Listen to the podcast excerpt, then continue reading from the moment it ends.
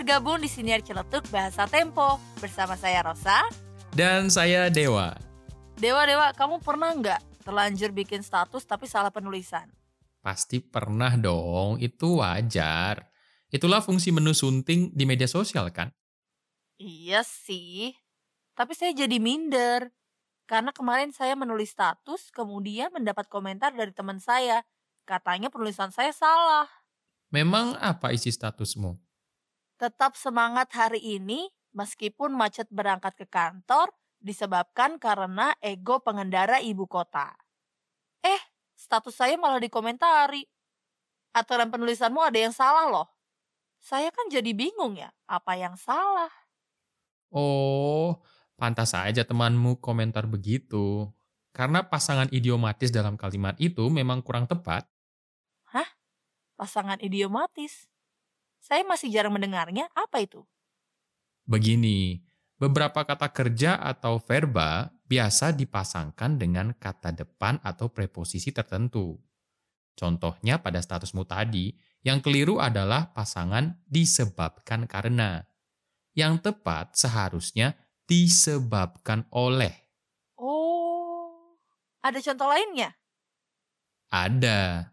Misalnya, sesuai dengan, Mhm. bertemu dengan, terdiri atas, berbicara tentang, dan masih banyak lagi. Pasangan idiomatis dalam hal ini adalah pasangan khas atau bisa kita sebut pasangan abadi, yaitu paduan kata kerja dan kata depan yang tak tergantikan. Disebut khas karena pasangan kata tersebut sudah menjadi kelasiman selama bahasa Indonesia hidup, sehingga tidak perlu lagi alasan bernalar mengapa seperti itu. Yang perlu diperhatikan adalah kata yang mengikuti pasangan khas ini bukanlah objek, melainkan pelengkap. Misalnya, pasangan idiomatis berpikir tentang. Dalam kalimat, orang itu hanya berpikir tentang kekayaannya, kata kekayaannya adalah pelengkap. Kata kekayaannya menjadi objek apabila kalimatnya seperti ini. Orang itu hanya memikirkan kekayaannya. Kalimat ini akan rancu bila ditulis orang itu hanya memikirkan tentang kekayaannya karena objeknya menjadi tidak jelas. Jangan pula kita menghilangkan kata dengan dalam kalimat gadis itu bertemu dengan kekasihnya atau rencananya berjalan seiring dengan waktu yang berlalu. Karena bertemu dengan dan seiring dengan adalah pasangan idiomatis.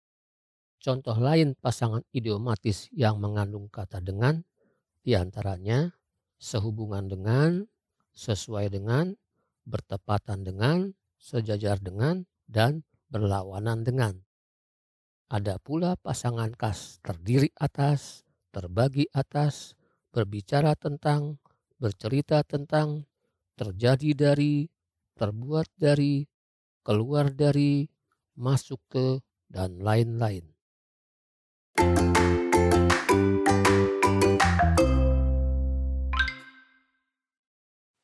Wah, banyak juga ya contoh pasangan idiomatis. Mau tak mau saya harus mengingatnya agar tidak tertukar-tukar. Sekarang coba tebak, mana yang tepat?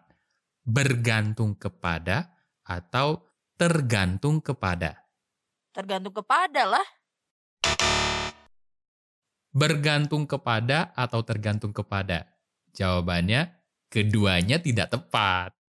Ih, ternyata pertanyaannya menipu. Lalu apa yang tepat? Yang tepat adalah bergantung pada. Wah, bikin bingung juga ya.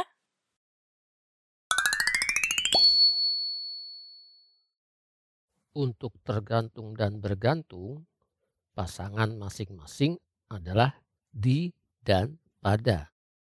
Tergantung di dan bergantung pada. Keduanya bisa kita padankan dengan hang on dan depend on dalam bahasa Inggris. Hang on itu tergantung di, sedangkan depend on bergantung pada.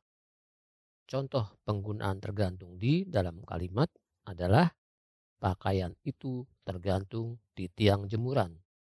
Atau dalam bahasa Inggrisnya, the clothes are hanging on the clothesline.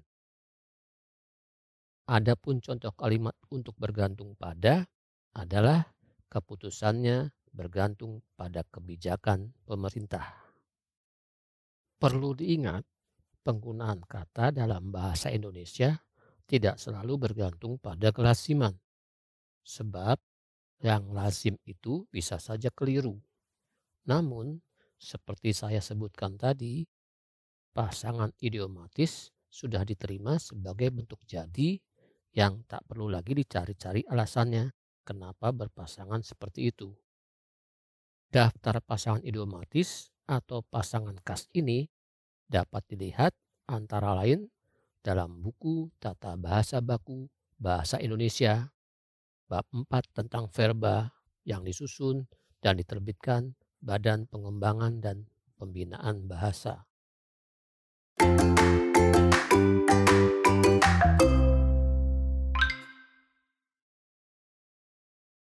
Makin ke sini ternyata masih banyak aturan dalam tata bahasa Indonesia yang belum saya ketahui ya.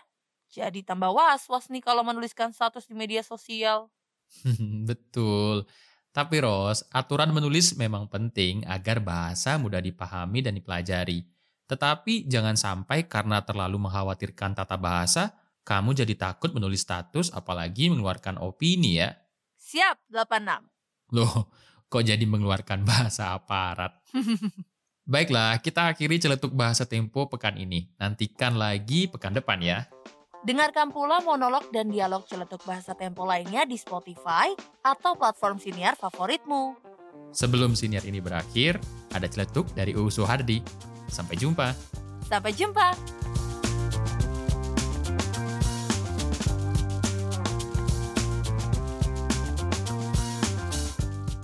Pasangan antara adalah dan, bukan dengan. Ingat saja judul lagu antara Anyer dan Jakarta, antara aku, kau, dan bekas pacarmu, atau antara ada dan tiada.